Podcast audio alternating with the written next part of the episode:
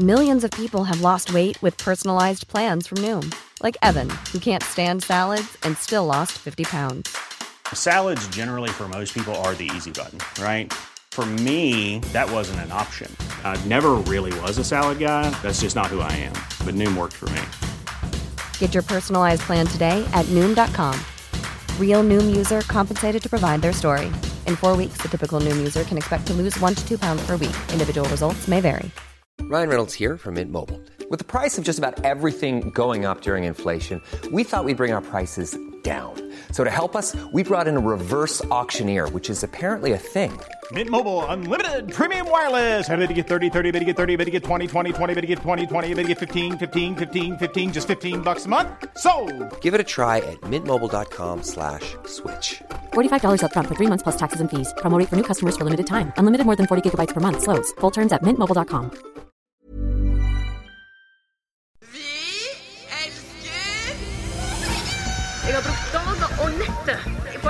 denne her, og så skal jeg stå her og få kjeft.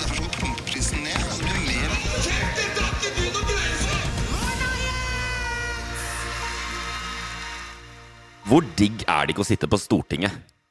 Er det greit at voksne menn har en høylytt internasjonal krangel om ubåter? Og hva driver folka snakker om i kommentarfeltet om dagen?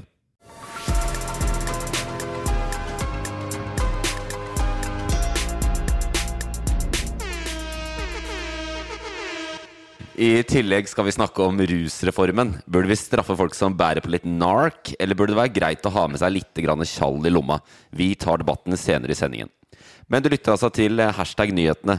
Her eh, hvor vi dykker rett i overflaten av ukas nyheter og prøver å bli litt mer oppdatert på hva som skjer. Og Er du klar for det, Kristoffer? Selvfølgelig. Jeg har gleda meg til i dag, fordi jeg har ikke fulgt med noe i nyhetsbildet siste uka. Nei, hva tenker du? I går ble renta satt opp. Hva da? Renta satt opp? Ja, sendt, eh, Norges Bank satte opp styringsrenta i går fra 0 til 0,25% Ja, Syns det er fett, det. Ja. Det vet sikkert de mye mer enn meg, så hvis de gjør det, så er det sikkert for en god grunn, tenker jeg. Du har ikke boliglån, kanskje? du? Jo, massevis. Ja. Da blir det jo dyrere, da. Da får du dårligere råd. Det blir dyrere for meg. Ja.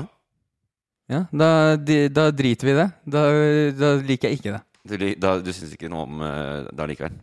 Nei. Nei, Men Norge tjener penger på det. Ja, det er, bra for, det. det er bra for norsk økonomi da, at eh, vi, vi kan sette opp renta igjen. Fordi vi har satt den til null eh, prosent styringsrenta, som har gjort at uh, Når korona kom, så ble den satt ned. Det er riktig. Ja, Da hadde jeg det bedre økonomisk. Ja, og det, da suger det jo hvis du har penger i banken, for da får du ikke renter.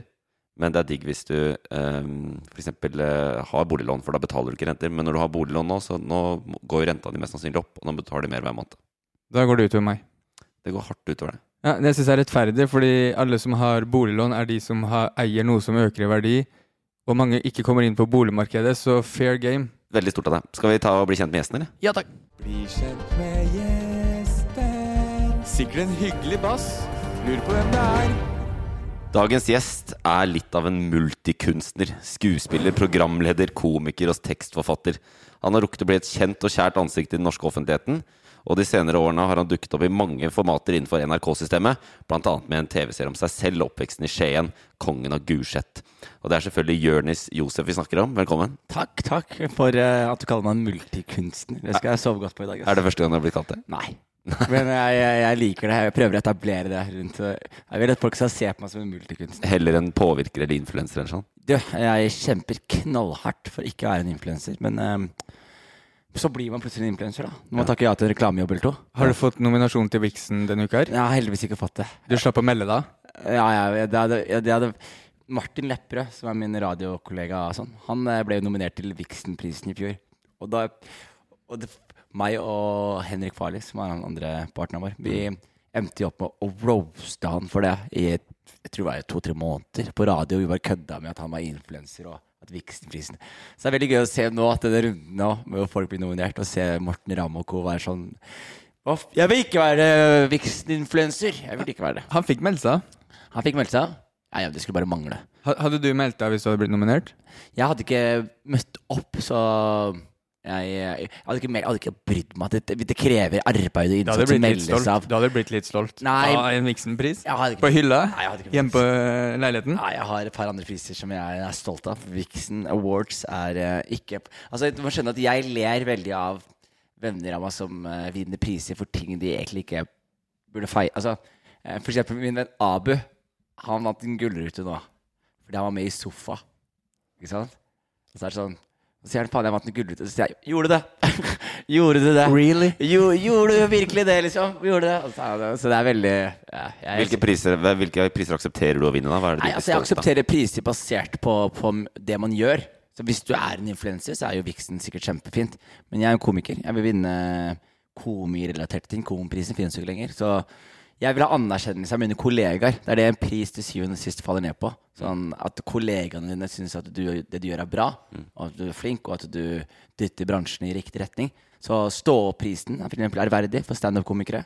Humorprisen er ærverdig. Hva med Og kongens fortjenestemedalje i gull når du er 50-60? Vet du hva? Jeg skal være Før helt- det. Før det. Tar du imot den? Jeg, jeg, jeg, vil kun ha den hvis jeg får den hvis, under 40 år. Du er homie med Harald. Du burde få den snart. Jeg er homie med Håkon. Håkon, ja. Ja, ja. Ikke Harald. Harald er ikke, vi er ikke helt på talefot. Eh, Litt ulik generasjon. Jeg ga han litt dårlig sjal en gang, så ble han ikke så happy. Ja, det er han ikke glad. Han liker ikke, han liker ikke dårlig sjal, han altså. Nei. Men du er, ikke, du er ikke interessert i Vixen. Hva er du aktuell med om dagen? Jeg er aktuell med en eh, ny TV-serie som jeg lager. Jeg er aktuell med en, eh, et standup-show som jeg driver og rapper opp nå. Jeg er aktuell med podcast, karakter og, og det som skjer videre der. Jeg er aktuell med masse Det her kan ta tid, eh, Jonis. Du har alt. altfor mye du er aktuell med. Ja, men, jeg, vet du hva, jeg gjør jævlig mye, og jeg er i min prime. Jeg er veldig veldig happy med hva jeg gjør, og jeg håper at uh, folk eh, liker eh, det som jeg kommer til å stappe inn i folks monitor For du, for du nyter livet som multikunstner. Jeg nyter livet som multikunstner. Maler, maler to lerret samtidig. Men hva med politikk og nyheter og sånn? Nå skal du være med og snakke om nyhetene. Føler du deg oppdatert? Jeg, jeg har eh, Altså, jeg gjør radio for NRK, og, og jeg kan vise dere en veldig gøy mail, hvis dere vil lese opp en mail. som jeg Ja, les på en mail, er du snill. Eh, fordi jeg har jo fått kjørt meg for mitt eh, politiske engasjement. Har du blitt invitert til Dagsnytt 18? Eh, hva, hva sa du? Har du blitt invitert til Dagsnytt 18 eller på Dagsrevyen Ja, ja, sånn? veldig, veldig, veldig veldig masse. Men eh, det som er gøy her Såpass. ja, Hvis vi ser her Kunne vært der hver Hele dag. tida. Dette her er eh, veldig veldig gøy. Bare ikke les navn til aktører som sender mailen og sånn. Ok, skal jeg lese den? Ja, gjør det. Syns det er kjempefint. For da vet du akkurat hvor vi ligger, og hvorfor jeg gleder meg veldig til dagens episode. Hei, dere. Som vi har snakket om Overskrift, overskrift først. På emnet. Ah, ja, ja. Der var navnet, ja. Jeg skal ikke si det. En advarsel herfra. Oi. Hvem er det fra? Eh, Det er NRK. NRK. Signert NRK. Men navn? Navn på personen? Det er, navnet er eh, Nils Ja. Roar eh, Quisling. Jeg har ikke hørt det navnet før. Jeg, Nei, men det skal Tor. Gjermund Eriksen står det. Nei, det står det ikke. Eh, kanskje en mellomleder. Jeg vet ikke. Hei, dere. Som vi har snakket om på telefonen og også tatt via SMS i forrige runde, vil jeg understreke viktigheten i NRK-plakaten. Eh, dette NRK-tilknyttede personer Det er faktisk skrivefeil. Ja, dette. NRK-tilknyttede personer, det være seg oppdragstakere, prosjektbaserte eller fast ansatte, altså Jørnis også, skal alltid utvise stor varsomhet med henhold til ytringer. Dette gjelder også politisk forankring. Trusler sier seg selv at det er fullstendig uakseptabelt. Jeg tror jeg er en politiker. Ja, så det var eh, Ja. Fortell. Så, jeg, jeg, jeg møtte Jon Helgheim. Ja, Han er jo Hva hadde du gjort hvis du hadde sett Jon Helgheim? jeg har sett han. Hva Ja. gjorde du da? Eh, jeg skua litt, kanskje. Du skua litt? Ja, men jeg, jeg sa ingenting. Altså. Minmugga litt? Jeg sa ingenting, ass. Det var sånn, det var, vet, vet jeg kan si det, det, det, det er ikke så lenge siden. Og da var, jeg tror det var sånn sommeravslutning på, i stortingsgruppa til Frp, og så var det bare sånn han og en gjeng med sånne derre eh, du vet sånn tynne bein, stor magemenn i jeans og blazer som sto og spiste softis rett utenfor Stortinget. Det var mest trist. Det er Men, eh, veldig trist. Ja, Hvem, hvem men- er Jon Helgheim? Jon Helgheim er eh, innvandringspolitisk talsperson for Frp. Oh. Og, blant annet for, for meg så er det alltid sånn Det er en ny antagonist i mitt liv, og det er alltid en Frp-er. Om det er Carl I. Hagen, Siv Jensen, Mm. Jon Helgheim, Christian Tybring-Gjedde, eh, og så er han Per-Willy Amundsen. Hvordan, og, og, hvordan og, du med? Nei, det som jeg var greia, var at jeg, jeg så han, og så tar jeg fram eh, eh, langfingeren min, og så tar jeg bilde av at jeg viser han fingeren. Så skrev jeg sånn Skulle jeg ønske jeg kunne utsette han for vold! Ah, nice! Jeg liker den, jeg. Ja, så, men så men, Sendte du, sendte du til han på tekstmelding da? Nei, jeg la det ut på Story, og så Tagga du den? Ja, så Det som skjedde, var jo at dette her ble, ble screenshotta. Og så ble det delt inn i alle disse Frp-gruppene, som er overraskende mange. Veldig mange. De har veldig behov for å snakke ut på, på lukkede Facebook-grupper. Og så er det da nådde det selvfølgelig sjefsbitchen, eh, Sylvi, som endte opp med å lage et svært innlegg. Og så var historien veldig rar, fordi det starta med at jeg egentlig bare viste finger. Jeg var på vei, var på vei inn backstagen eh, for å multikunstne litt på, på prøverøret. Så jeg gjør litt standup. Og på backstagen så ser jeg han utenfor. Og da bare tar jeg, viser en fuck you-finger, tar bilder kjapt og legger det ut. Og tenker ikke mer på det.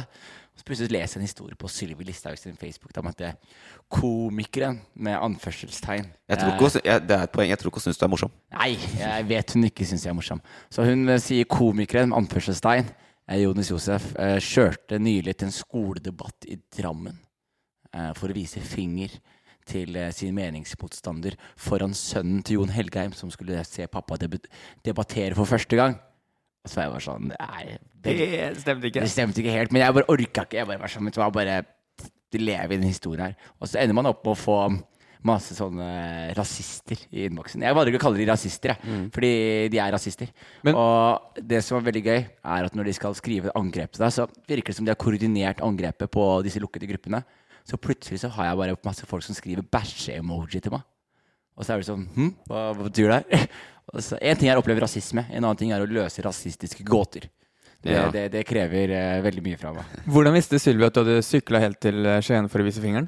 Ja, det er eh, hun, hun hadde, Jon Helgheim hadde sagt at jeg hadde kjørt helt til Porsgrunn for å vise fingeren til, eh, til han. Så han skrev et innlegg som hun hadde delt. da Og så var det sånn Han har kjørt helt til Bergen for å vise finger til eh, Men, men Jon Helgheim på skoledebatt. var du ikke keen på at det, dette var liksom bare på storyen til venner og nære?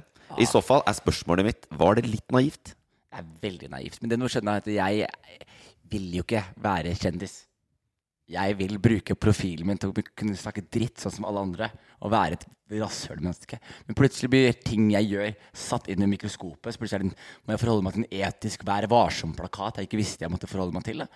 Så for meg er livet bare blitt en sånn Jeg bare kjører på, så tar jeg advarslene og, og dask på lanken når de kommer. Neste steg, kjør og finn Sylvi. Vis fingeren, legg det på Story. Vi må, vi må kjøre rundt og finne dem. Ja, men, Gjerne når de har med barna sine. Gjerne når de har barna sine. Og, og hvis de gjerne simulerer pistoltegn mot dem. Og, og gjør sånn Pow, pow, pow! Dead man walking! Dead man walking!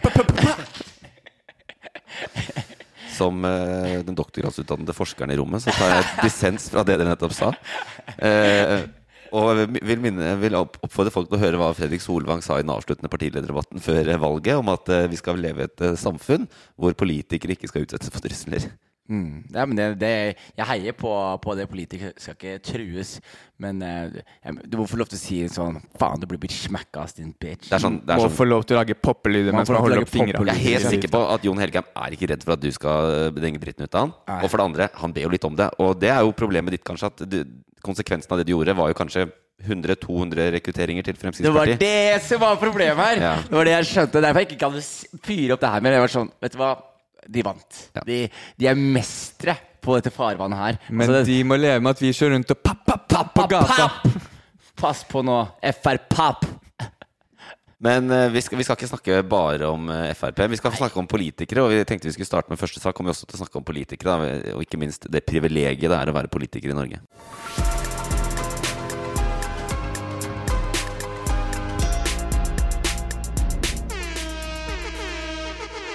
For vi må jo innom den store saken denne uka her hjemme. I forrige uke avslørte Aftenposten at eh, KrF-leder Kjell Ingolf Ropstad hadde spart store pengebeløp på å ha folkeregistrert adresse hjemme hos moren og faren sin, samtidig som han eide en tomannsbolig i Sørum og bodde gratis i Oslo sentrum i en leilighet han fikk låne av Stortinget. Um, og dette hadde pågått siden 2009, og Ropstad bedyret han var lei seg, og at han hadde gjort denne At han hadde, hadde hatt uh, den informasjonen jeg hadde da jeg gjorde det, hadde hatt det nå, så hadde jeg ikke ment at det var et problem. Eller da hadde jeg ikke gjort det. Jeg gjorde jeg er veldig lei meg for det. Og så kom jo Bau pakke runde to fra Aftenposten dagen etterpå. Fyren har jo da altså i 2020, mens han var minister, så har han jaggu meg lurt seg unna med vilje 175 000 i skatt. Eh, mens han fikk statsrådbolig, for det får man også. Eh, og så endte det med at han gikk av som leder. Og da er jo spørsmålet egentlig Er det, er det for, for lukrativt å være politiker i det landet her? Det er, for, enkelt. Jeg hadde en ekskjæreste en gang som eh, Da var jeg en ufin gutt. Jeg var utro og, og bringte klamydia hjem. og så fikk jeg beskjed Two wrongs don't make a right. Two wrongs don't make a right. Og så fant, jeg, fant hun ut at jeg hadde vært utro gjennom at hun oppdaget at hun hadde klamydia. Og jeg tenkte da sånn Hvis jeg hadde visst det jeg visste nå, når jeg lå med henne, så hadde jeg ikke gjort det, da. Ja. Så uh, Ropstad har klamydia. Eh, på en måte så er det en god samling Samtidig så visste jo han. Det er akkurat At han hadde klamydia. Du visste ikke at, Jeg visste du visste ikke at hun hadde Så jeg er faktisk en Ropstad med god samvittighet, jeg. Ja, mens Ropstad da, som eh, på en måte eh, Han visste jo dette, eller han har ikke innrømt å ha visst det i ti år, men det siste, det 2020, 175 000 i skatteunndragelse, den måtte han gå av på, fordi at det, var, det, der har han bevisst prøvd å lure unna penger. Da så er han jo leder for, var leder for Kristelig Folkeparti. Det er litt verre når du er kristen, er det ikke? Men det, det er det, akkurat det jeg skulle si nå. Er det ikke veldig passende at det er liksom leder for KrF som gjør det? Altså, hadde det vært Bård Hoksrud, så hadde det vært sånn selvfølgelig. Eller hadde det vært liksom en annen sjarlatan uti der. Men når det er liksom det er Ropstad liksom, Du har på deg briller, og du, du, du, er faen meg en KrF-er. Liksom. Du er leder for KrF, liksom, og så blir du tatt i bare bedrageri. Nei, det er veldig, veldig Han gikk han av, eller? Ja, han gikk av. Han er ikke statsråd, han er ikke leder i KrF. Hvem som er KrF-leder nå? Eh, det er Olaug Bollestad, midlertidig, fram til de har valgt en ny. Olaug Bollestad høres ut som en Så mange fine navn det er i den er, gjengen der. Ja, det er, fint. Det er fra Kjell Ingolf til Bollestad. Men det er jo det er ikke så lett for KrF, da, fordi at de gjorde også et veldig dårlig valg. Så de har bare tre stortingsrepresentanter nå. Og det er Ropstad, som har gått av. Og så er det Bollestad og en som heter Dag Inge Ulstein. Så, og så er det tradisjon i Norge, og man tenker gjerne at den som er leder i partiet, bør sitte på Stortinget. Så de har liksom to å velge mellom. Det var fint av den nå. Men, Men- hva, men det hva, var- hva, bare er straff, si hva er straffen her nå? Hva er det som skjer med han Nei, eh, det vet vi ikke. Økokrim eh, etterforsker, da. Så han kan jo bli dømt til å måtte betale tilbake penger. Hvis han har Er brukt ikke det det minst, Det er jo ikke straff. Det, du, han betaler han skylder, er det ikke det? Det er det som er helt forbanna sinnssykt her nå, er at jeg har jo fått en eh, skattesmell som jeg har bedyret til dere tidligere i dag, som plager meg litt. Men jeg prøvde jo å inngå en samarbeid, eller liksom en betalingsavtale i god ånd med skatteetaten. Og jeg er sånn Hei, jeg vil betale her. Jeg har, dette er økonomien min. Jeg kan betale det da og da. Hva sier dere til det? Vet du hva de sa da? Nei! Vi skal ha pengene nå! Men, Ja, men vet du hvorfor? Fordi det er så jævlig mange som skylder dem penger om dagen fra folk i KrF, så de har ikke mulighet til å ha nedbetalingsplaner rundt omkring. Ropstad har ødelagt for betaling. Nei, så Skatteetaten sliter om dagen. Ja, De har jo ikke penger. Men det jeg skal love dere, som er bare veldig provoserende på, på veldig mange måter, er jo liksom at Ok, jeg, en, jeg var en komiker som gjennom koronaår sleit økonomisk, måtte fikse økonomien min, levde litt på skattepengene, fikk en skattesmell. Nådeløs skattetat. Kjell Ingolf Ropstad har snylta på skatten fra 2009. Han har finta og triksa og gjort alt han kan for å maksimere sin økonomiske fortjeneste som statsverv. Og han kommer mest sannsynlig til De kommer til å se mellom fingrene på han. Jeg lover dere. Han, han blir hatt fengsel. Uh, det tror jeg kan få, men det kan han bli dømt. Uh, og det kan bli en viktig sak å liksom statuere et eksempel. Men det som er gøy, er at uh, fyr blir jo faen meg gjenvalgt. Så han skal sitte fire år til på Stortinget og få 988 000 i årslønn. To gratis hjemreiser. Uh, Gikk han Jeg tror han gikk av, jeg. ja, han har gått av som leder i KrF. Han har gått av som statsråd, for han har sittet i regjering sammen med Erna Solberg. Og nå har de valgt nytt storting, og KrF fikk inn tre representanter, og han er en av de. Men Så han skal, han skal, han skal sitte her er, er minstelønna 980 000? Nei, det er alle stortingsrepresentantene får 900 og- Jeg har tallet, faktisk. Ja, ja, ja, ja. Ni- 987 Nei, det er faen meg det mest provoserende jeg har hørt. ass. 987 000? Det var lite. Nei, det var ikke lite. Det har, det har gått opp, har det ikke det? Ja, det har gått opp hvert år. Det er vel eh, SV og Rødt hvert, Eller SV stiller eh, forslag i Stortinget hvert år, tror jeg, om å, Ta om den å ned. ta den ned. Uh, og SV, de som sitter på, på Stortinget for SV, de, og Rødt, tror jeg, de betaler en sånn eh, partiskatt hvor de tar liksom 300 000 eller noe av den lønna og gir til partiorganisasjonen isteden. Ja. Så de, de ja, men Det, det syns jeg nesten er riktig. Men det er, det er det Høyre og KrF. Så du sier til meg at faen meg Jon Helge må ha en million i året? Liksom. Ikke nå lenger, for han ble ikke valgt inn. Hva er han da? Det, det, han må finne seg en ny jobb. Han er arbeidsledig. Ja, okay. men, eh, men det er faktisk, eh, bare for å si det, det er jo ikke bare Ropstad. Det viser seg at det er mange som nå kommer sånn krypende. Å, kanskje jeg har tolka regelverket feil òg? Ja. Og så viser det seg at det kanskje egentlig er Stortinget, administrasjonen der, som har bare sittet med liksom de 150 nøklene sine. Ah, hvor vil du bo? Hvor vil du bo på Bislett? Eller vil du bo der? Og så, og så har de ikke vært flinke nok til å følge opp representantene ved å si sånn Ops, ops, du må faktisk betale skatt av dette. Um, så det er litt sånn der rot Men jeg, jeg håper at eh, Fordi det som er litt sånn problemet nå, er at jeg håper at det, det er, det, så, denne makteliten har jo så mye muligheter til å endre på ting og endre narrativer og sånne ting. Men jeg håper virkelig at, at de slår Ropstad hardt, og at de andre som prøver å være sånn Ops, kan hende jeg også eh, de som tar, Jeg hørte det var flere som tok kontakt med skatteetaten for å se Har jeg gjort noe feil, og prøve å ordne opp i det. Det, det skal straffes like hardt, håper jeg.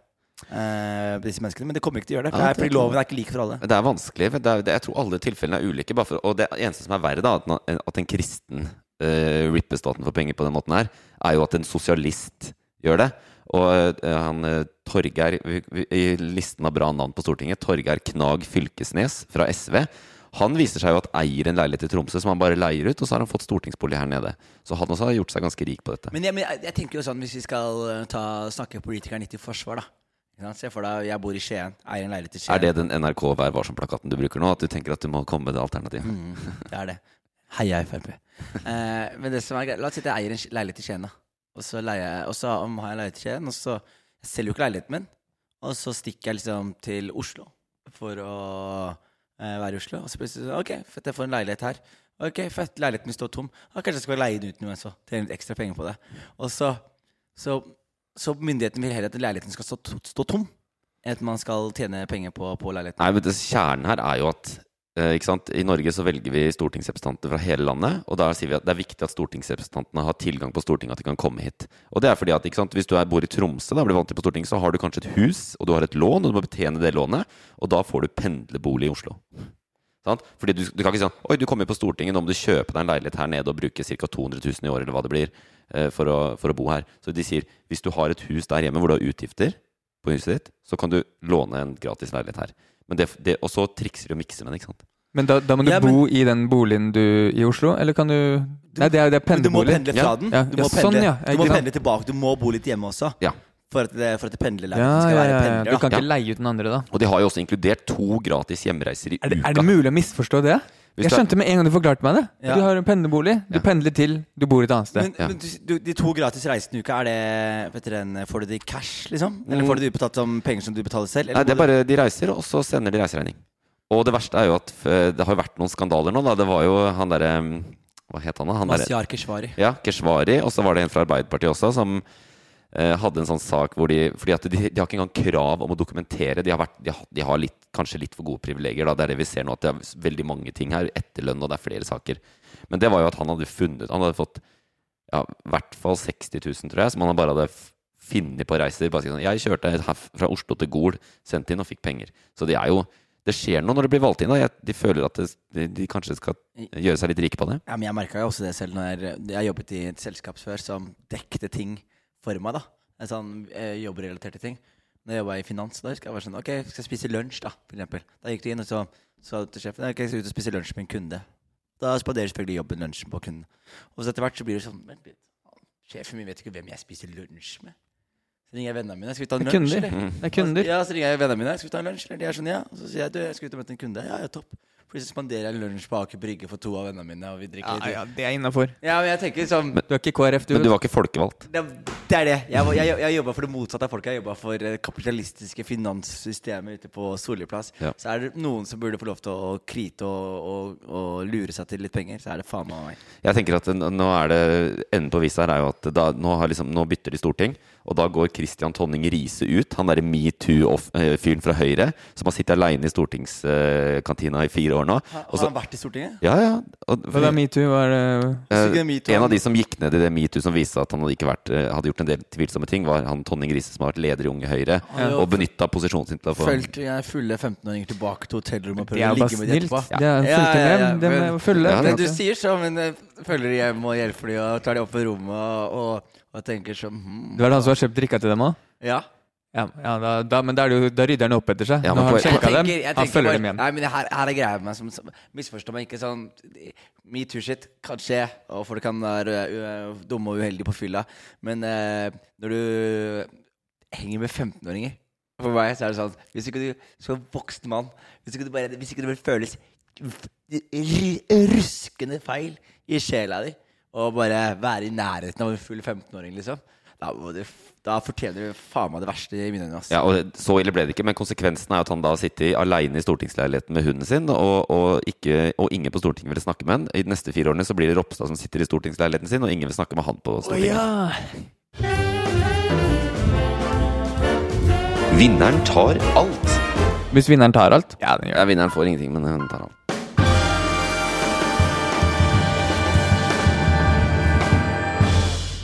Vi skal inn i konkurransemodus. Uh, Jørnis skal få eh, bryne seg på Kristoffer, som ikke er spesielt oppdatert på hva som skjer i nyhetene. Eh, Det dere skal Er, konkurrere er, du, er du dum? Jeg vet ikke. Nei, det er Det, ikke. jeg vil kategorisere meg som en som er eh, interessert i nyheter, men gidder ikke lese mer enn overskriftene. Eh, I likhet med 90% av resten av ja. Clickbait. Ja, folka ja, Nei, men jeg, jeg trykker ikke på clickbait. Ikke på- Jeg ikke- leser ikke på de. Dagbladet sin Jeg engang. Ikke på Jeg Dagbladet går sin ikke inn på Dagbladet. Ikke på Dagbladet Hold meg unna. Går du inn på Dagbladet? Jeg, bare når jeg skal halvrunke. Da skal jeg gå inn og sjekke. Det har vi snakka om, jeg med Kristoffer før, at uh, han har en tendens til å klikke seg inn på de sakene som handler om sex, men så er det alltid sånn pluss der, så han får ikke lest det. Ja. Har du betalt for dem? Samme, nei, jeg betaler ikke på pluss, men jeg, uh, jeg har det til å trykke på en, og så plutselig arresterer jeg meg selv når jeg sitter og ser på sånn derre betalingsgreier. Så er jeg sånn Hva faen, jeg trykka bare inn på? Så er Hvor er kort, du, du hadde betalt hvis du hadde funnet kortinfoen din. Ja, Du må alltid finne den der lommeboka. Ja. Men poenget da, eh, boys, det er en konkurranse. Og vanligvis så begynner vi med overskriftene, men i denne konkurransen så, vi, så har jeg vært ned og dykka i kommentarfeltet. Og så skal jeg gi dere en kommentar, og så skal dere eh, komme med forslag på hvilken sak dette er fra. og Overskrift eller saken? Eh, saken. Perfekt. Ja. Eh, da kan vi, jeg har fire stykker. Vi kan begynne med den første. Ja. Dette er Bjørn Karlsen som har kommentert. Fredriksen er ikke norsk, han er kypriot. Nordmenn skatter til Norge. Og da svarer Thomas Øyestad. Tull! Ingen er norskere enn storulv. Oppvokst på enerhaugen og god i kast med liten ball. En norsk spesialøvelse. Jeg, jeg kan tenke meg hvilken sak det er, så jeg lar Kristoffer begynne først. Jeg. Tipper det er noe som handler om skatt. Vi begynner der. Ti- Tipper jeg, da? Nei, det- ok, jeg stopper deg, Kristoffer. Jeg stopper- deg, Kristoffer. Er jeg inne på noe? Du er eh, jeg, Det handler mest sannsynlig om Jon Fredriksen, som er Norges eh, rikeste mann, og at han har flagget ut pengene hans til Kypros, men eh, likevel topper listene på Kapitals rikeste. Og det er sikkert noen i kommentarfeltet som prøver å argumentere for at han ikke er norsk, siden han ikke skatter til Norge. Rimelig greit 1-0 til Jonis her. Var jeg, men var jeg inne på noe? Nei. Skal jeg fortelle en kul fun fact om uh, Jon Fredriksen? Ja, vær så Jon. Fredriksen er jo en gammel uh, Den store ulv, eller stygge ulv kalte de han. Og han uh, holdt på som bare rakkeren på 80-tallet med disse skipsgreiene hans. Og tjente jo veldig, veldig, veldig mye penger veldig tidlig, men har jo aldri sett noe særlig attraktiv ut. ikke sant? Så det er to historier som eh, er eh, veldig sånn eh, Jeg har hørt, hvert fall Eller mange historier ute om han fyren, men det er to historier som jeg liker veldig å gjenfortelle, fordi de er helt fucked up. Den ene er at han pleide å gå ut på byen med Rolex til damer. Sånn dameklokke Rolex. Og så fant han seg en veldig vakker dame, så holdt han opp Rolexen. Så var det sånn Blir du med hjem, så får du den her. Og det var bare så veldig veldig enkelt. Så det var på et punkt eh, på slutten av 80-tallet, starten av 90-tallet, hvor så du damer på, på vestkanten med Rolex-klokker. Så kunne du nesten banne på at de hadde ligget med Jon Fredriksen. Og, så en annen Og det er for- sant? Ja, det, er, det står i en bok Det det er en bok som er skrevet om han, som er ganske fascinerende. Men det, det, er liksom, det bekrefter en stereotyp. Jeg håper noe sak, eller fun fact 2 er sjukere. Den er veldig mye sjukere. Eh, han pleide å ha bølgen, eh, møtene sine på Bølgen og Moi Mm. på, på, på Sjuvolven. Og der er det også en historie om at eh, han har et møte med noen mennesker. Eh, midt under møtet så plutselig så dukker det opp en dame opp fra under bordet som har sugd han under møtet mens han har sittet og spist lunsjdans på Bølgen og Mai. Og hun hadde Rolex på armen. Hun, hadde, hun fikk sikkert betalt 2000 kroner cash og en flybillett tilbake til Polen. Og til alle dere lyttere som ikke vet hvem eh, vi snakker om, eh, Jon Fredriksen. Ja. Det er han som eh, har kidnappa dama si, og nå er blitt rik på kryptovaluta.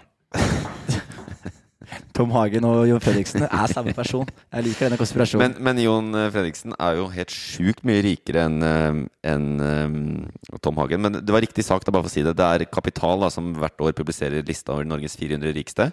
Og hovedfunnet i år er at um, for første gang så er de alle milliardærer. Så ikke sant? Vi Ja. vet jo at de rikere blir Nå vet jeg rikere. hvilken sak. Jeg har sett overskrifta. Yes. Og, det, og det er, i år er det at alle er milliardærer. I snitt har de 400 rikeste 4 milliarder i formue. Hvor mye tror dere Fredriksen, som er nummer én, har? Jeg tror han har øh, kanskje et sted mellom 12 og tjue- 12 og 20.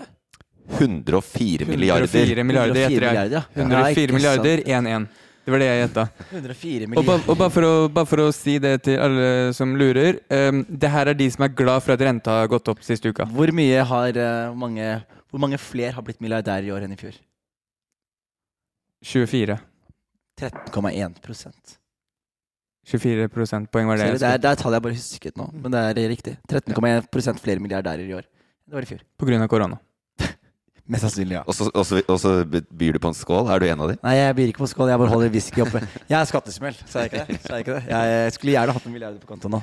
Ok, Neste sak. Den her er litt vrien, men eh, kanskje dere klarer den. Det er Åse Nilsen. Jeg prøver, jeg prøver, Det er veldig mye mannfolk i kommentarfeltene. Det er Du må øh, lete for å vinne en Ja, men jeg fant Åse Nilsen, og det var sånn man kan forvente fra Åse Nilsen. Dette er kommentaren hennes. Så deilig! Solsmiley. så deilig. Eh, rekordvær eh, siste uka. Eller det er meldt rekordvær framover. Så deilig. Så deilig, sier noen. Så det er Nei, det er inne på en VG pluss-sak. Ja, eh, sånn eh, er det diggere Eller sånn får du orgasme. Nei, nei, nei. nei, nei. Og så tenker jeg sånn eh, det kan, ikke være, det kan ikke være en sak om innvandring, for det er, det er ikke Åse der, og ikke positiv. Det kan ikke være sak om uh, Vet dere en uh, Det kan ikke være noen sånn Dagbladet clickbait-sak. Kjell Ingolf har bodd gratis og tjent penger på å leie ut huset sitt. Så fint! Så deilig. Så deilig. Um, jeg lurer på om det Det må være en god nyhet om et menneske. I hvert fall en god nyhet. En god nyhet om, om noe. Uh, Styringsrenta har gått opp. Nei, det, Så deilig. Det, det, det, du er inne, på- det kunne vært det, men det er ikke Viste fingeren til politiker på gata. Så deilig. Vet dere, en- Hva faen kan det Nei, være? dette klarer dere ikke. Vil du gjette på noe? Jeg, jeg vil eh, gjette på noe. Er det, er, det en, eh, er det en stor nyhet Ja. som har preget eh, alt og alle? Eh, Det meste. Det meste. Og eh, siden vi må Er det politikk, sport eller hverdag? Eh, Politikk og hverdag. Politikk og hverdag. Da vil jeg si hva jeg tror det er. Det er at eh, Arbeiderpartiet og uh, Mekamsi og eh, han andre Raimond Raymond Johansen har bestemt seg for å få politiet til å levere kvitteringer etter å visitere folk. Det er feil. Uh, det, dette er fra Avisa Oslo, og det er saken om at uh, det går mot full gjenåpning i Oslo. At uh, nå kommer jo Nå forsvinner koronatiltakene uh, nasjonalt, og Oslo har sagt at de de skal følge. Så deilig. Så Så deilig. deilig. Neste sak. Den oppsummerte hele saken, den kommentaren. Neste sak. Uh, Den kommer fra GHJO. Åh, han mener business. Ok, her kommer det. De som begår mest kriminalitet, må kontrolleres mest.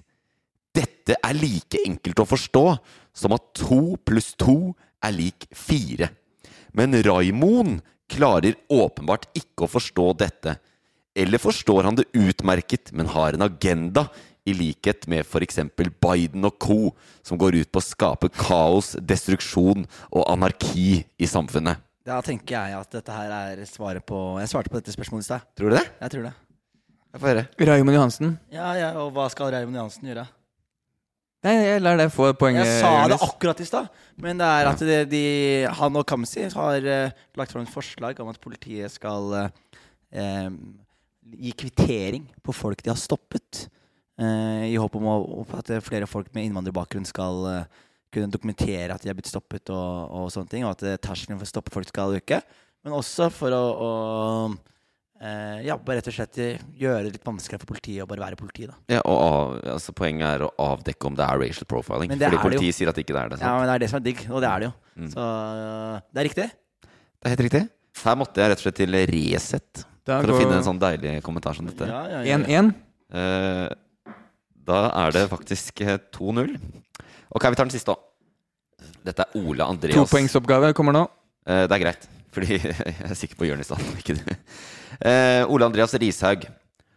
Hadde dere bare hørt på Hege istedenfor å bortforklare alle problemene? Jeg vet. Hege Skøyen har vært ute i nyhetene siste og snakka om eh, kulturlivet i Oslo.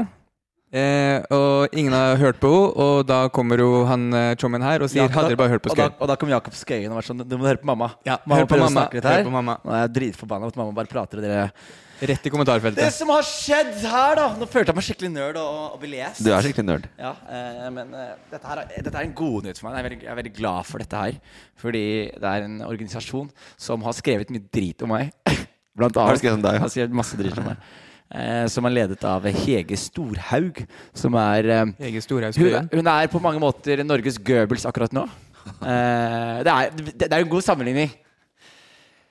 Misforstå meg ikke, men hvis du skal, hvis du skal gi én er person tittelen Goebbels i Norge akkurat nå, Altså som propagandaansvarlig. i propagandaansvarlig, Ja. hvem hadde du gitt det til da? Det Eh, må jo være Hege. ja, men Goebbels hadde mer en sterkere posisjon, da. Ja, ja, ja, men hun eh, eh, hadde, det vært opp til Frp, så hadde hun hatt en veldig sterk posisjon. Ja, men det, er, det er jo riktig at det er Human Rights Service, heter det vel. Dette, HRS. ja, og de, de er en uh, islamkritisk organisasjon. Uh, Starta egentlig som en sånn kvinnevennlig organisasjon, og så har de liksom blitt mer og mer crazy. Ja. Eh, de er eh, ytre høyre eh, veldig kritiske til alt som har med islam å gjøre. Og jeg blir så provosert av Høyre, som plutselig nå skal tørke hendene sine og si at det, Nettopp. vi har ikke eh, Vi likte aldri HRS. Er sånn? Dere har gitt de 22 millioner kroner mellom 2007 og i dag.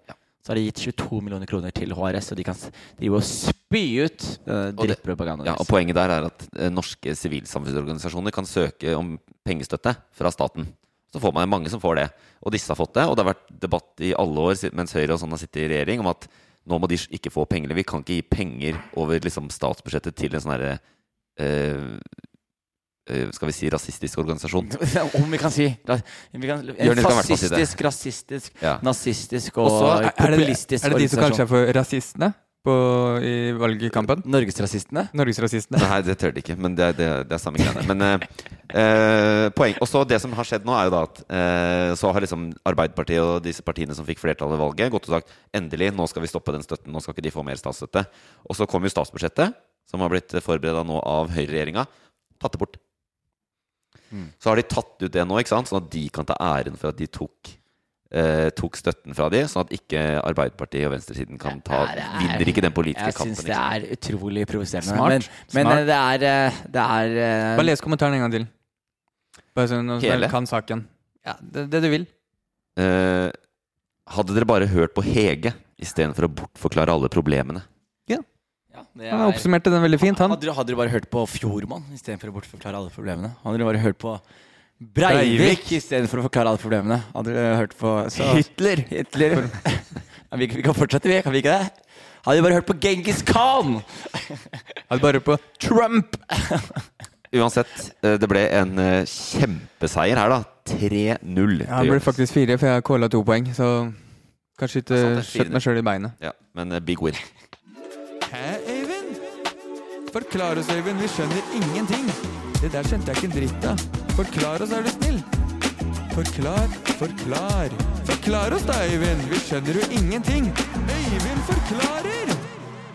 Ok, ok. Det her er spalten hvor jeg utfører deg, Øyvind. Jeg har invitert uh, gjesten igjen. Jonis har fått lov til å spørre om uh, hva som helst han lurer på i nyhetsbildet, og du må forklare det. Uh, når jeg spurte Jonis, så sa han først Først så sa han Helvete, det er sjukt mye jeg lurer på i nyhetsbildet. Jeg, er, jeg forstår nesten ingenting. Eh, hvor, hvor, hva skal jeg ta? Så sa jeg du må velge én sak. Han sa ja, men jeg skjønner ingenting av nyhetsbildet. Eh, jeg håper du har funnet én ting du kan spørre om, Jonis. Jeg var ikke Det er bra. Jeg kasta meg litt ut i farvannet her. Men, jeg. men jeg har faktisk masse gonine spørsmål.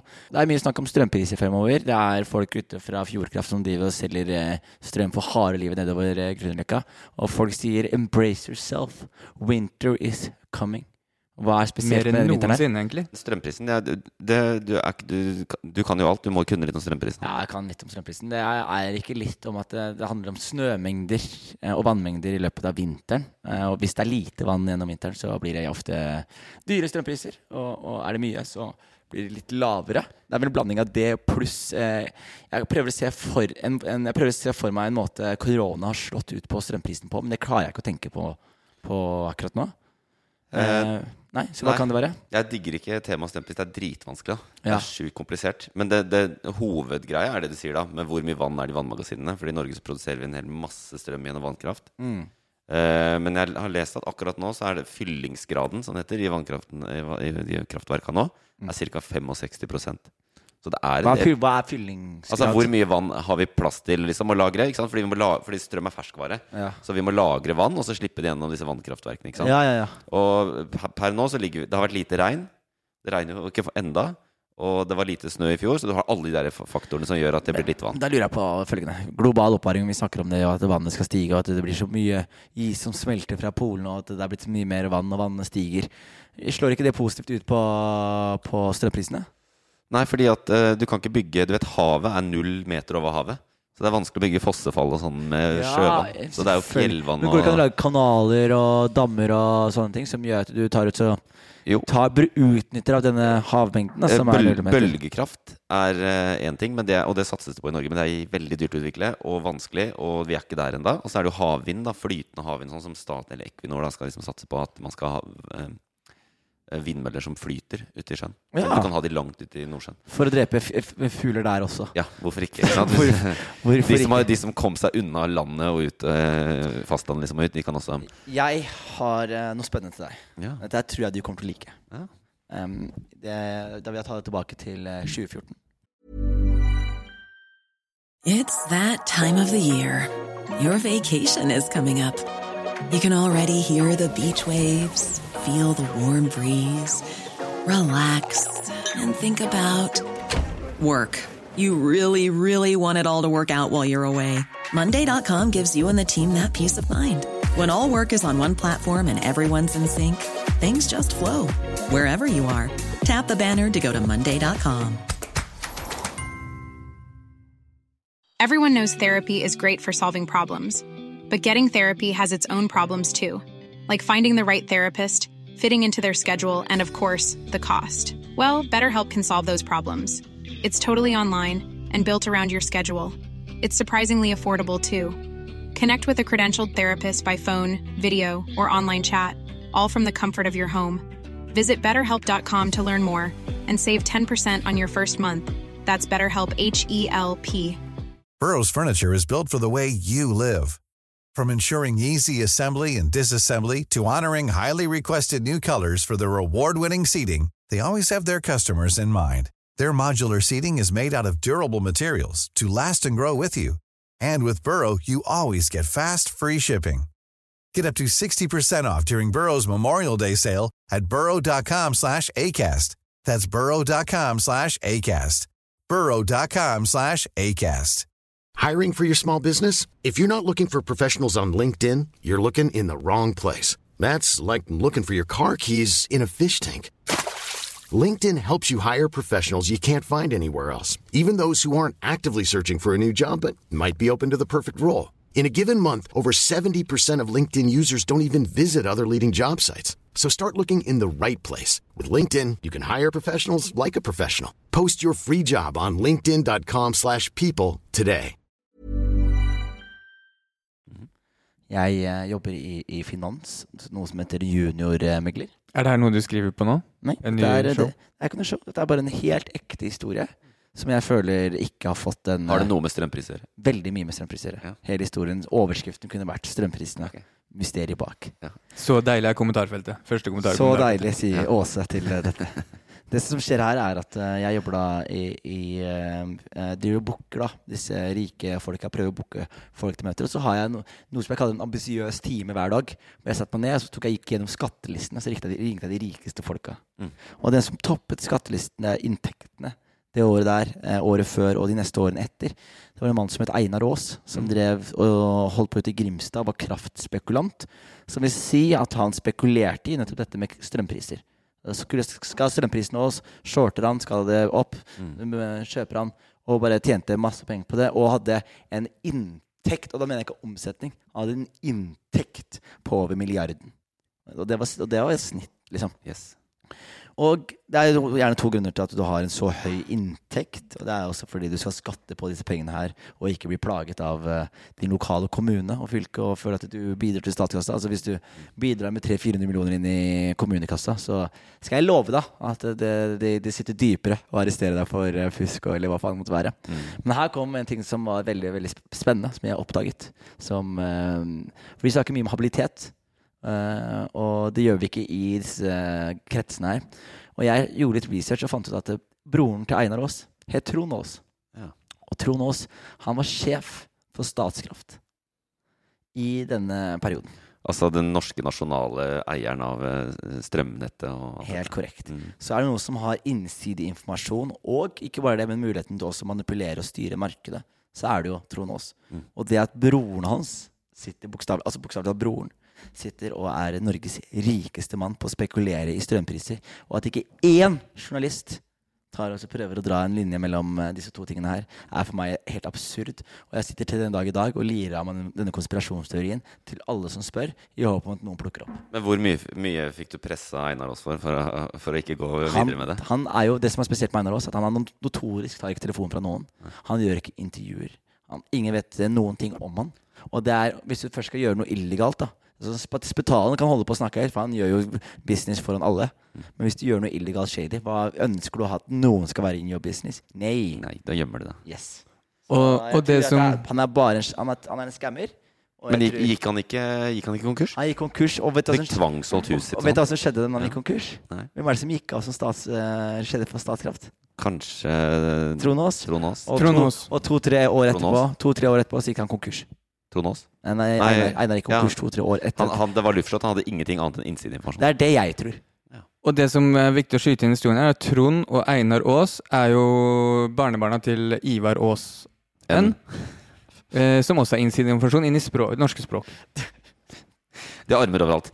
Men jeg skal bare si Vi, kan ikke, vi har forklart litt av strømprisene. hvis jeg skulle ta det. Men det eneste jeg vil si Jeg vil bare, hvorfor, blir det så, hvorfor er det så sjukt dyrt nå? ja, det, er, det, er fordi at nå må vi liksom spare på strømmen. Eh, Nå vil ikke strømselskapene at de skal bruke så jævlig mye, fordi at det har regna lite, det er ikke så mye i magasinene, eh, det kommer en kald vinter, og da må vi ha litt å gå på. Men så er det jo det er den ene siden. Men det andre som har kommet, og det kommer sterkere og sterkere, det er at det norske markedet Vi har kobla oss på Europa, på EU sitt strømmarked, og nå er det helt jævlig høye priser i Altså, vi blir sure. Å, herregud. vi kjøper, eh, vi kjøper eh, strøm fra andre land. Vi selger og kjøper. Og akkurat Ja, nå Hvorfor er det? Kan vi ikke bare kjøpe fra oss selv, da? og det er et eh, mark... Ja, men det, er, det ene argumentet er at vi er faktisk ikke selvforsynt hele året. Du kan ikke bare lagre strøm, sant? Og noen deler av året så importerer vi litt, andre deler av året så eksporterer vi. Og nå er det jævlig lukrativt å eksportere. Vi syns det er dyrt nå, ikke sant? for nå er det sånn 1,20 kroner per kilowattime. Jeg vet ikke hva en kilowattime er, men det er det det koster nå. 1,20. Hva tror I, I Storbritannia nå? Tre- 30 kroner Per kilowatt. per Så, kilowattime. så kunne jeg strengt tatt import, eksportert strøm fra leiligheten min til en pluss der nede. Problemet er at det er monopol på det. Det er Statkraft. Så det er liksom våre felles eh, verdier, dette her. Men Norge gjør det som F. Ja. Fordi det er, vi tjener masse penger på det. Så noe av den, den vannkraften og, sånn, og vindkraften og alt mulig vi har som produseres nå, eh, bruk, alt det brukes ikke her når vi sender det ut, og, tjener, og, og de tjener penger på det. Så- Men det som er poenget, er at fordi vi er kobla på de da, og vi, Norge også blir med å selge til den høye prisen, så importerer vi sånn delvis høyere strømpriser òg. Og det er mange ting i Europa nå. Det, nesten, det blåser ikke i Storbritannia. Det gjør det alltid. og Der er det masse vindkraft. Eh, Kull er dritdyrt fordi at EU har satt opp prisen på CO2. Og det er bra for miljøet, fordi vi vil bruke mindre kull. Og mer vind og vann og sånn. Så, øh, så det er dyrt. Så alt, all strømmen i Europa er dyrt, og da blir det litt dyrt her også, fordi vi er med i det markedet. Så nå er det bare sånn alle ting. Lite vann i Norge, lite vind overalt. Kull, gass Folk har er brukt for mye dritdyrt. strøm. Ja. Jeg bare gjetter. Eh, Det også, men det er for lite produksjon. Summa summarum. Og det folk Det er- ikke skjønner, er at å ja, faen. Alle i Norge skal lade på en jævla bil hver natt. Sant? Ja, nå bruker vi mye strøm. Jeg får jo faen meg kjøpt Teslaer alle ja, sammen. og så skal vi ikke bruke kull og gass og sånn. Det skal vi kutte ut. Vi skal over på fornybart, men det går jo altfor sakte. Ja, ja, Og da må vi betale imens. Da blir det dyrt. Ja, er det, det er kjipt å ha en skattesmell hengende over seg. Ja. Skattesmellen blir enda verre da. Du får trippelsmell. Du Ja, økte, ja, ren- den gjør det, det. økte rentesmell, Men- eh, strømsmell og skattesmell. Men jeg skal være helt ærlig. Jeg syns Altså, jeg skal være helt ærlig når jeg eh, får strømregninger, så jeg syns det er overraskende billig. Sånn, når jeg har fått strømregning, så er det sånn Hæ? 500 kroner? Jeg har jo jeg har hatt TV-en på i hele måneden. Jeg har ikke skrudd av et lys. Men så kommer det en faktura til til meg. Den ene er lav, og den andre er høy. Får du to strømregninger? To strømregninger. Ja, du, så, ja, du lever på 90-tallet, hvor du får nettleie på én og strøm eh, på Ja. en annen. Og, og så står det to forskjellige adresser på dem. Du må laste ned. Eh, om jeg kan gjøre reklame for et selskap som heter Tibber. Ja, den har jeg hørt om. Jeg synes det er kjempebra. Det er, jeg er ikke sponset av dem, Nei, men dessverre. de skal sponse podkasten vår fra med neste uke. Ja, men det burde de gjøre, fordi De skal det? Nei, altså. Ja, det, men de burde det nå. Ja, men Det er veldig bra, fordi det de gjør er at du, du tegner ikke en avtale med en eneste strømleverandør. De bare switcher på fra, fra dem som er billigst, hele tiden. Og så får du det igjen på app. Så får, ja, så du har det på en app, så du får da total uh, Ja. de, Så du, er, du har ikke Fjordkraft i, eller Hafslund i en hel måned, men den, den perioden Hafslund er billigst, så har du de, og så hopper du over til de, og så henter du strøm fra ulike folk som uh, gir til en billigst sum. Og så, og så får du en melding eh, en gang i uka av Einar Aas som sier 'Nå hopper du over til Hafslund'. Kjøp, kjøp! Men uh, det er faktisk genialt. Ja, jeg syns det er veldig Og, hvis du ikke er liksom en av de som vil være med på eh, teknologirevolusjonen, men vil ha en av de gamle motherfuckerne, Fjordkraft, whatnot, ring hver dag. Eller ikke gjør det, men ring og si 'jeg skal ha nesten gratis strøm', og så får du det. Fordi de konkurrerer sånn om kunder. Så eh, de fucker deg hvis ikke du sjekker hva slags strømavtale du har. Så har du Nå er vi sånn forbrukerpodkast igjen. Det var jo forrige uke òg. Ja, men det er bra. Det er, eh, det er det folk egentlig hører på denne podkasten for. Ja, jeg, jeg, jeg, jeg, tok sånn, eh, jeg tok et oppgjør her i fjor og sjekka sånn. Fordi jeg dreit meg ut. Jeg hadde tegna strømavtalen mens jeg kjøpte en jævla eh, ekstern harddisk på Power. Hadde vi ikke hatt nytt strømabonnement, det er jævlig billig. Det er, så, det er bare pensjonister som går på det. Ja, Henrik Flatseth har jo en av de morsomste vitsene på det. Det? Hvor han sier at han går i gatelangs, og så er det en fyr som stopper han fra, fra Fjordkraft og sier sånn Unnskyld, så er det sånn, ja, sånn Har du strøm hjemme? Om jeg har strøm hjemme?! Tror du jeg går hjemme og fyrer opp i med, med, med sånn der, så har du sånn der, hva heter det, sånn der nattlampe når du går Ja, ut ja, ja. og begynner å spille til fyr altså, vi ikke har strøm hjemme. Og bare se på det som mest fornærmende spørsmål noensinne. Det er Ja, utrolig gøy. Eh, Stakkars de som jobber som gateselgere for de eh, strømselskapene, for så vidt. Men ikke stakkars strømselskapene. Tibber er kanskje en idé. Det blir dyr strøm. Det er lite vi kan gjøre med det. Eh, Sånn er livet. Vi går videre.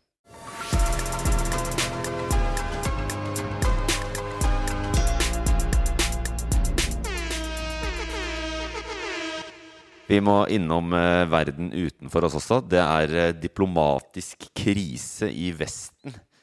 Eh, mellom Nato-land, faktisk, til og med. Frankrike og Australia hadde en avtale fra 2016 om at Australia skulle kjøpe en haug med ubåter av Frankrike. 706, eh, 776 milliarder kroner var den avtalen. En del penger. Franskmennene gnidde seg i hendene, skulle selge disse til eh, Australia. Eh, alle har tenkt at det, det er helt konge. Og så plutselig holder Australia en pressekonferanse med Storbritannia og USA. Hvor de sier at uh, den avtalen med franskmennene blir ikke noe av fordi vi skal kjøpe atomdrevne ubåter fra USA isteden. Og Frankrike klikker jo, eh, blir kjempesint, eh, sender hjem ja, Sender ambassadørene sine hjem. Eh, de henter, det er liksom det kraftigste man kan gjøre mellom land som egentlig er venner. da Det er å hente hjem ambassadøren. Frankrike- Kraftigste du kan gjøre, er jo å erklære krig, men ja, men eh, jeg mente diplomat Ja, når man er venner Ja, av sånn, diplomatiske sant, midler. Ja, neste steg er selvfølgelig eh, å bruke ubåtene. Det er kanskje men- derfor de henta hjem, fordi nå kommer krigen. ja, men de tok i hvert fall de fra, ikke fra Storbritannia, men de henta hjem ambassadørene fra Australia og USA. De, de var forbanna på Australia, liksom det drittlandet der nede som har fucka oss over på denne avtalen. Også USA, liksom. Og Biden skulle være tilbake, sa franskmennene. Dette ligner jo mer på det Trump gjorde, bare at Trump gjorde det på eh, Twitter og ikke på en pressekonferanse. Så dette er eh, voksne menn i dress eh, som krangler om ting med jævlig store konsekvenser, men som fremstår litt som sånn barneteater. Eh, er det noe som engasjerer dere? Ja, jeg tenker jo det er en del ting her som engasjerer litt. Grann. Altså, først og fremst er det liksom Hele den krigsindustrien er bare Det er helt fjernt for meg. Fordi, la oss være ærlige, det kommer ikke til å bli en, en omfattende verdenskrig igjen. Nettopp pga. Liksom hvor mye atomvåpen folk har, og hvor mye det fucker opp bunnlinja til innflytelsesrike, mens ingen har godt av en krig i Vesten. Altså Man tjener godt penger på krig i Midtøsten eller andre steder, men ikke krig på hjemmebane. Det er tjener ikke penger på.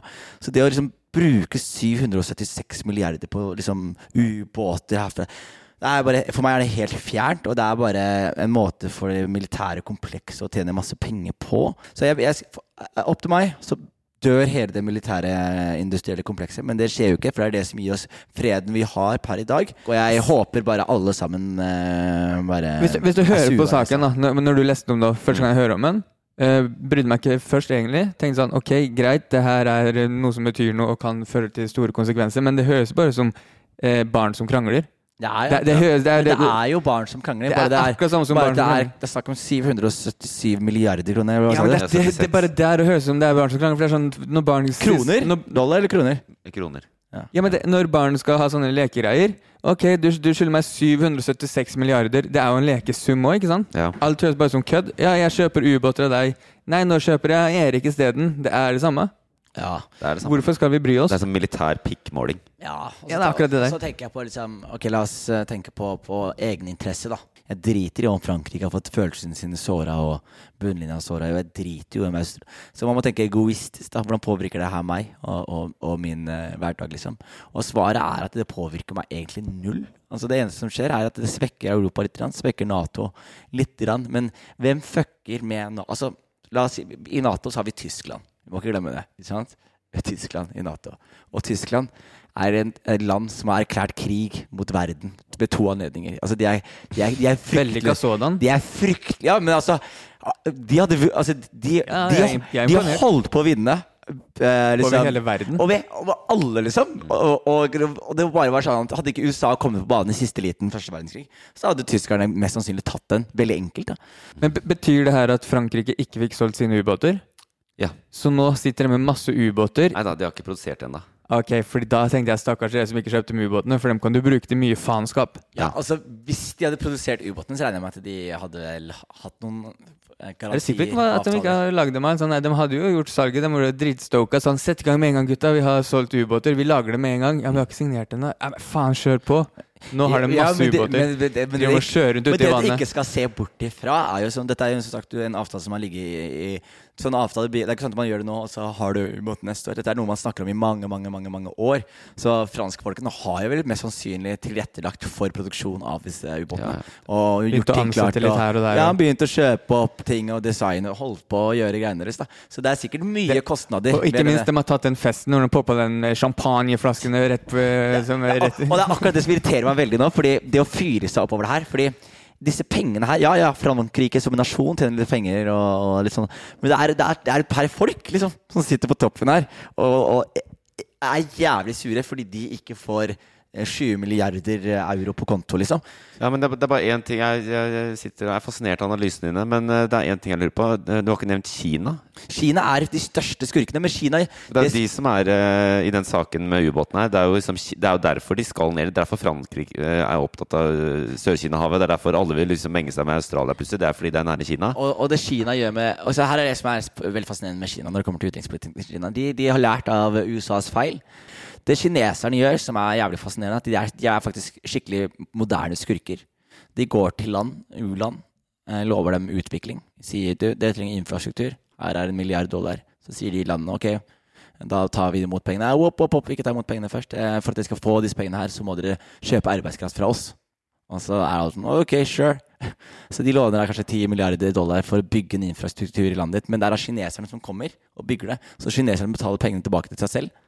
Og så til slutt så sitter landet med noen fancy seks-fields-veier og med en gjeld til 10 milliarder dollar, og ingen av pengene har gått inn i nasjonen. Så Man må sånn- jo gi dem creds. de, man må gi dem creds, og det de gjør hele tiden, er at de gjør det. Og så det som er veldig viktig for Kina, er, er å ivareta sin suverenitet ved Sør-Kina-havet, er det ikke det det Mm, heter? Mm, masse konflikter der. Masse konflikter der. Og nå blander Nato-landene seg mer og mer inn. Og derfor skal ubåten inn der.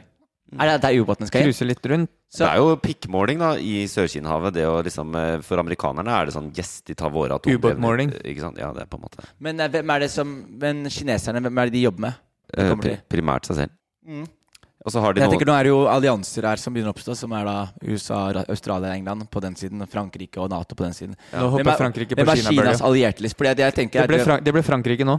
Ja, fordi hvis, hvis, Fra- hvis Kina klarer å utnytte dette, denne nye fiendskapen da, og alliere seg med til Frankrike og Nato, da, så, så er jo kineserne veldig happy med denne Ja, men Kina har ikke sånne så veldig sterke militære så De trenger ikke et veldig stort militære selv. De, men de har jo allierte i liksom, Russland, i Nord-Korea og i Afrika, da, som de har bygd opp masse, men ikke sånn eh, Så i, akkurat i Sør-Kina-havet så er det Kina mot liksom, Nato, Japan, Sør-Korea. Og hvis jeg skjønner maritime regler, da, så er det sånn at eh, hvis Norge har kysten sin her, så har du lov til å eie så og så mange, så mange tusen kilometer ut. Eh, og det er, det er din tomt. Så noen jukser det noen ganger. For eksempel Danmark, når de eier Grønland, så har de for eksempel områdene utenfor Grønland også. Og Færøyene også. Ingen har lyst på Grønland, vet du. Og Kina, det er veldig viktig for Kina. Donald Trump, da, som ville kjøpe det. Så derfor er det veldig viktig for Kina å for eksempel ivareta suvereniteten i, i Hongkong, Taiwan osv., som er disse kyst... Ja, så er det også noen sånne ubebodde øyer der ute, Det det, som, eh, det som Japan sier er Japans. Det, Ja, yes, så er det og, det, og det er konflikt om disse øyene, er det ikke det? For, for å ha tilgang på naturressursene på havområdene. Og det er det olje der? Eh, det vet jeg ikke. Hva slags ressurser er det de kjemper om? Jeg vet ikke, ass. Tunfisk. Er det, har, har det, Hvis det er øyer utenfor verdi? Japan, så er det helt sikkert mest sannsynlig mye teknologiressurser der. Ja, for det Det er masse, det er masse sånn mikroskipper som verden mangler nå. Ja. De, de ligger på Det er sånn korallrev der. der med mikroskipper. Men Kina, så er det viktig å ha kontroll over dette havet fordi de ikke ønsker at utenlandske aktører skal kunne komme inn Mm. og, og true dem i deres eget hav. Er det det som er greia? Eh, ja, det også. Ja. Og ha territorial eh, kontroll. Ja, ikke sant. Det er veldig fascinerende. Men det var uh, Der ser vi, da. Om vi skal oppsummere, så er det faktisk sånn at uh, eh, pinlige krangler og pikkmåling i, mellom Nato-land har jo bakgrunn i og konsekvenser for større geopolitiske ting. Men hvis vi, vi lander på det Jørn sa om at det, det blir ikke sånn stor krig uansett, eh, håper vi. Eh, men da skal vi hjem til hjemlige saker og ta debatten. Mener du virkelig det der? Blir bare tull. Hold deg til saken. Jeg har bestemt hva du mener. Hva du mener det. Ta debatten. Da nærmer vi oss eh, et slags punktum her, men vi må nødt til å ta debatten. Og i debatten i dag så skal vi snakke om rusreformen. En reform som ble lagt frem av Erna Solbergs regjering eh, i februar i år. Og det forslaget innebar at bruk og besittelse av mindre mengder narkotika til eget bruk ikke lenger skulle være straffbart. Narkotika skulle fortsatt være forbudt, eh, og salg av narkotika skulle være eh, straffbart, men du skulle altså kunne bære brukerdose på kroppen. Og så ble det stemt over i våres, og flertallet i Stortinget, som da var eh, Arbeiderpartiet, Senterpartiet og Frp, stemte imot, og derfor ble ikke denne reformen gjennomført. Men saken rundt rusreformen er neppe død og kommer til å prege norsk narkotikapolitikk i mange år framover. I hvert fall til det kommer til å skje noen endringer. Ja. Men er rusreformen egentlig en god idé? Burde folk bli straffa for å bære små brukerdoser med narkotika? Eller burde de ikke det? Vi skal ta debatten, og da er det som vanlig da, sånn at uh, vår kjære gjest og Kristoffer får hver sin posisjon som de må innta. Eh, De vet ikke hva de forskjellige mener. Uh, Og de skal ikke vise til hverandre hva de mener. Og så skal jeg le må dere gå ut, så skal jeg lese opp de punktene til lytterne. Så hvis dere bare kan Dere kan gå på bakrommet og lese dette. Yes, sir. Yes. Du må gå ut, Jonis. Du må ut. Du kan ta med lappen, så du kan eh, memorere det mens jeg leser inn eh, Eller forteller. Ok, da er det sånn at uh, han mener det er en stor skandale om mennesker skal få lov til å gå rundt med narkotika uten at samfunnet kan straffe dem. Han er veldig følsom når han diskuterer det her, og er særlig opptatt av å få frem at kokain og heroin er veldig farlige narkotiske stoffer. Han mener at alle som er for rusreformen, er inhabile fordi de mest sannsynlig er knarkere sjæl. Og målsetningen hans er å finne ut om Kristoffer har tatt narkotiske stoffer i sitt liv, og så stille han til veggs med den inhabiliteten som han mener Kristoffer har. Kristoffer er selvfølgelig for rusreformen. Han er ikke spesielt opptatt av det med straff, fordi han mener det er bare idioter som ikke klarer å skjule stoffet sitt for politiet uansett. Og mest av alt så syns han at eh, folk kan ha godt av å bruke litt narkotika, spesielt hvis de er stressa eller noe sånt. Og målsettinga til Kristoffer da, det er å få Jon, eh, til å innrømme at det kan være litt deilig å bli litt skækk iblant hvis man f.eks. har hatt det travelt på jobben eller kjerringa mast litt mye i det siste. Så Det er de to posisjonene de skal debattere på bakgrunn av i denne debatten om eh, rusreformen. Så da kan dere komme inn. Jeg tror Jonis har lest. Jeg tror han eh, har- Jeg leste Jonis sin. Jeg syns han var enklere enn min. Vi, eh, vi får se. Jeg tenker Ja. at eh, det er vel eh, Det er redelig at Kristoffer kanskje kan få starte. Og Hva, hva tenker du? Er det, burde det være straff for å bære brukerdoser av narkotika? Selvfølgelig bør det ikke være straff. For det første, hvis du blir tatt, så er du jo et, eh, nek, fordi ingen blir tatt. Det er det første jeg vil si. Og så for det andre, hvorfor skal ikke alle få lov til å bruke litt og chille'n og ha det litt fett? Man er jo man kan bli stressa etter jobb eller litt masete kjerringa litt masete hjemme. Da er det sikkert digg å bli litt skækk. Ja, jeg er helt uh, fullstendig uenig. Altså, vi, vi lever i et samfunn hvor vi allerede sliter enormt med konsekvensen av alkoholbruk og andre stoffer. Og det å åpne opp slusene og tillate ting som ja, cannabis og heroin, kokain, amfetamin og andre farlige substanser er for meg helt utenkelig. Og vi burde skåne våre barn, vår ungdom og vårt samfunn for slike problemer. Men de, når du eller har hatt en dag, det har vært litt stress på jobb, det er lange dager, det kjenner du til, Jonis. Du har lange dager, og du kommer hjem til Du er multikunstner, blant annet. Du kommer ofte hjem til en veldig masete dame, har jeg hørt fra deg. Du har sagt det mange ganger sjøl. Eh, da er det litt digg å bli litt eh, skækk og Nei, men, eh, men hør på meg nå, liksom. Altså, når det kommer til dette med narkotiske stoffer, så er det jo selvfølgelig Ja, det er kjempechill å ta heroin. Det er digg å bli litt skækk. Det er digg å ta heroin også. Men det er digg å bli litt men unner du din far og mor en heroindose? Det gjør ikke jeg. Jeg unner ikke mine barn det. Jeg unner ikke min, min kjæreste det. Jeg unner ingen det. Og det å åpne opp for at det samfunnet skal til Vi burde heller hjelpe dem enn å, å, å til åpne opp for mer, da. Og det er jo da ved å på en måte ja, regulere det. Kunne passe på det. Kunne straffe det. Kunne sørge for at det har konsekvenser ved å ta disse stoffene. Men du som uh, syter hele tida, hvor slitsomt det er uh, å komme hjem til en masete dama di, og den der lange arbeidsdagene, og er det ikke digg å bli litt skækk når du kommer hjem da? Nei, jeg, jeg hører alt si det, men dette her er, eh, er helt useriøst. Eh, Det som er problemet ditt Kan du med hånda på hjertet si at ikke er digg å bli litt skækk? Ja, men hør på meg nå, Kristoffer. Bare Du, da. Du sitter der borte. Ikke sant? Og jeg ser på de tynne armene dine. Det, det er nok mye du tar som går gjennom systemet der. Eh, hvis jeg tar en blodprøve på deg, så kommer ikke blodet i rødt, tror jeg. Jeg tror det kommer ut i mange andre farger. Og jeg ser det på øynene dine, ser det på stikkene du har der. Og, og det jeg egentlig lurer på, er Er det kokain, eller er det heroin du tar? Eller er det begge deler? Ingen kommentar om det. Jeg vil bare Er det en- er en upper og en downer? om, om du skal legalisere det eller ikke. Det, Uavhengig av hva det er. Det er digg. Ja, men problemet med dere som vil legalisere det, dere vil bare legalisere det fordi dere vil bruke det. Det er ikke sånn at de- Ja, jeg vil kunne ha for, for å kunne bruke det. Ja, men eh, hva slags andre Vil du legalisere aktiv dødshjelp også? For det burde du gjøre. Du burde ønske at du kunne gjøre det også. Jeg kan godt legalisere det, og mens vi begynner å legalisere ting, så tar vi flere i en smekk. Men mens vi begynner med, legal, eh, hvis vi begynner med rus, da Men jeg Bare mens vi men- er på men den akkurat nå. Men, men politikk kommer ikke fra et egoistisk parti. Ja, jeg har lyst til å knulle Beyoncé, liksom. Jeg lager ikke en lov som sier jeg skal knulle Beyoncé. Nei, men Det er en lov som sier at du kan det, hvis hun samtykker. ja, ja, men det er ikke en lov som sier at hun må knulle meg. Ikke sant? Ja, sånn, nei, men det, Jeg mener ikke at man må ta rus. Jeg mener at man skal ha muligheten til å ta rus Og hvis poenget rusen mitt er at du samtykker. skreddersyr lover etter hva du selv ønsker å gjøre. Altså, Så med at Norge ten- tjener mer penger òg, da. Norge Hvis vi slenger mer med det. penger. Er det det du men er det, litt Er det skattepenger. oppriktig det du tenker når du sitter hjemme Nei, med det er- skudd nei, i armen? Er det, jeg- tenker du på Norges beste når du gjør det? Ikke i det hele tatt. Jeg bare slang med den nå for å Ja. gi noen andre og, når du, sitt og gode. når du ringer dealeren din klokka to på natta etter en lang, eh, lang liten eh, ølbinge, liksom, og du skal ha en liten eh, nesepils, da, som dere kaller det, er det også noe du unner resten av samfunnet å gjøre? Er det, noe, er det noe som er bra for Norge at du gjør det? Jeg skal, jeg skal også ta med eh, Det som er bra, mer enn for meg, er alle de som kommer hjem stressa, i likhet med deg, fra lange dager. Det er jo flere multikunstnere, andre som jobber harde, harde skift. Um, digg for dem å bli litt skækk, er du ikke enig? Nei, det som er, det som er problemet Ja, men det er- men er- er det digg å bli litt Jeg skækk? syns det er oppriktig vanskelig å diskutere med en som har snortet kokain før denne podkasten. Hvis, hvordan kan du gå inn i en hadde- voksendebatt hadde ikke det vært digg? ten, tenna dine gnisser? Jeg hører det hele veien hit. DJ Khaled. Kan du være så snill å roe ned greiene der? Jeg har sett Peter Northug ta det roligere på torsdager enn det du gjør. Men det hadde vært digg. Og hva da? Og vært litt skrekk. Og vært litt skrekk. Akkurat nå. Akkurat nå. Er det bare meg, eller prater han sånn her nå? Hva er dette her. Helvete, er det sånn her du prater? Jeg legger jo ikke skjul på at jeg er for. Så om jeg prater litt sånn her, så, er, så vet jo alle hvorfor. Ja, og det som er problemet er at du er for av egoistiske årsaker. Og poenget mitt er at det samfunnet her har eh, allerede slitt nok med mennesker som sliter med rus. Vi har flere barnefamilier som er splittet opp pga. alkoholproblemer. Og det å åpne djevelens sluser og åpne for at alle sammen skal få lov til å gå på Kiwi og kjøpe kokain, det er ikke jeg for. Og det syns jeg ikke du burde være for heller, hvis du er en ansvarlig mann med, med, med, ja, med et ansvarlig livssyn. Jeg er ikke enig. Nei, men det er fordi du er rusa. Veldig bra, veldig bra, Kristoffer. Veldig bra, Jonis. Um, det er i ferd med å bli en trend i denne podkasten at Kristoffer taper litt.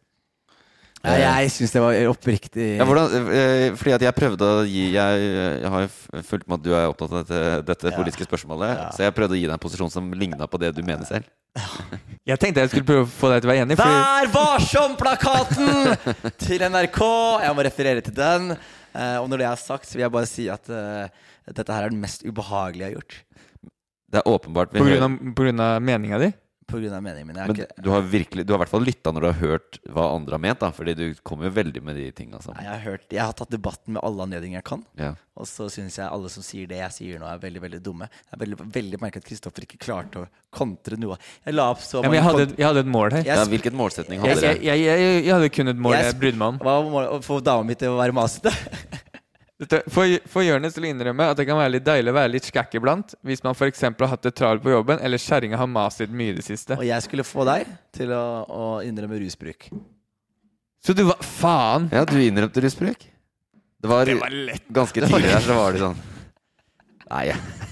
ja fordi Den var lett. Fordi Ja, men det var lang vei til Rom, altså. Det var morsomt. Det var morsomt fordi, fordi du bruker så mye rus, ikke sant?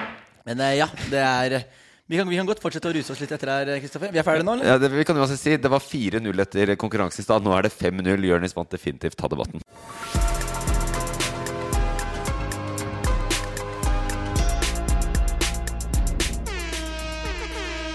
Og med den eh, nye hypa jingeren, så er vi faktisk kommet til um, podkastens slutt. Uh, Jonis, vi pleier å spørre om, eh, litt, om eh, gjesten vår har lært noe nytt og sånn, men du har jo bare rett og slett kommet og, Ja, og bydd har- på et beger av kunnskap i dag. Ja, men jeg, eh, først og fremst, jeg visste ikke at jeg var belest på nyheter. Jeg må være helt ærlig å si det. Jeg visste det ikke. Det visste ikke jeg heller. Nei, så, Jeg ble imponert, jeg. Nei, jeg ble litt imponert av meg selv, så det må jeg bare, bare si. Og så syns jeg at det du Du imponerer meg veldig med all den generelle kunnskapen. Tusen du har takk, pugga eh. litt før du og Kristoffer, at du ble sluppet mye på gulvet som barn. Det merkes veldig mange anledninger her nå. Og jeg syns oppriktig synd på støttekontakten din som ikke er her nå. Eh, han har sikkert veldig mye jobb å gjøre utenom eh, dette her akkurat nå. Men eh, det var veldig interessant. Lærte litt. Og fikk lyst til å gå hjem og, og lese litt mer på, på nyheter. Det er bra. Eh, og Kristoffer, husk hjelm. Ja, det skal jeg huske neste gang. Eh, eh, Før vi avslutter Rart at ikke du kommenterte jingeren før nå helt på slutten, for jeg gleda meg til at du skulle høre den den remixen jeg hadde vært inne og pimpa. Ja, på det var hyggelig. For meg så er uh, innholdet er, eh, Nyheten er viktigst. Jingle er bare støy. Men takk, den var veldig fin. Og det var særlig litt Bidrar med det jeg kan. Ja.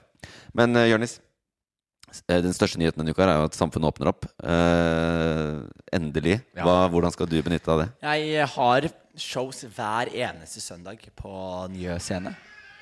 Oi, hva skjedde nå? Eh, Hver eneste søndag på Nye Scene. Eh, Jeg gleder meg veldig. Eh, Det har vært litt begrenset med, med plasser. Så det å bare åpne opp fullt nå på, på søndag er noe jeg gleder meg enormt mye til. Så- Fordi du liker å ha mye folk der, eller fordi du skal dekke den skattesmellen din? Eh, Skattesmellen min dekkes dessverre ikke gjennom Njø sine inntekter. Det må mer eh, reklamer, kampanjer og, og mer lukrative avtaler til for å dekke den eh, smellen der.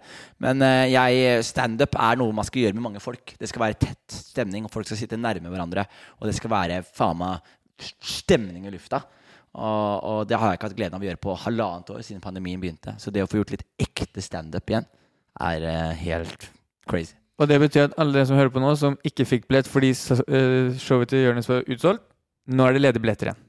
Ja, og så jeg, må si, jeg kjenner på sånn ektefølt lykke til, fordi det er, eh, det er sikkert sjukt digg å kunne ha full, eh, full sal igjen. Eh, tusen takk for at du var med i podkasten vår. Eh, vi er tilbake neste uke, og som alltid, du hører oss der hvor du hører podkast. Jeg har brukt og netter på denne saken her, og så skal jeg stå her og få kjeft.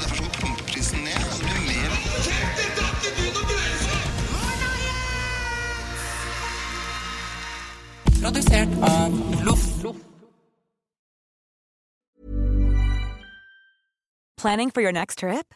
Elevate your travel style with Quince. Quince has all the jet setting essentials you'll want for your next getaway, like European linen, premium luggage options, buttery soft Italian leather bags, and so much more. And is all priced at 50 to 80% less than similar brands. Plus, Quince only works with factories that use safe and ethical manufacturing practices. Pack your bags with high-quality essentials you'll be wearing for vacations to come with Quince. Go to quince.com slash pack for free shipping and 365-day returns.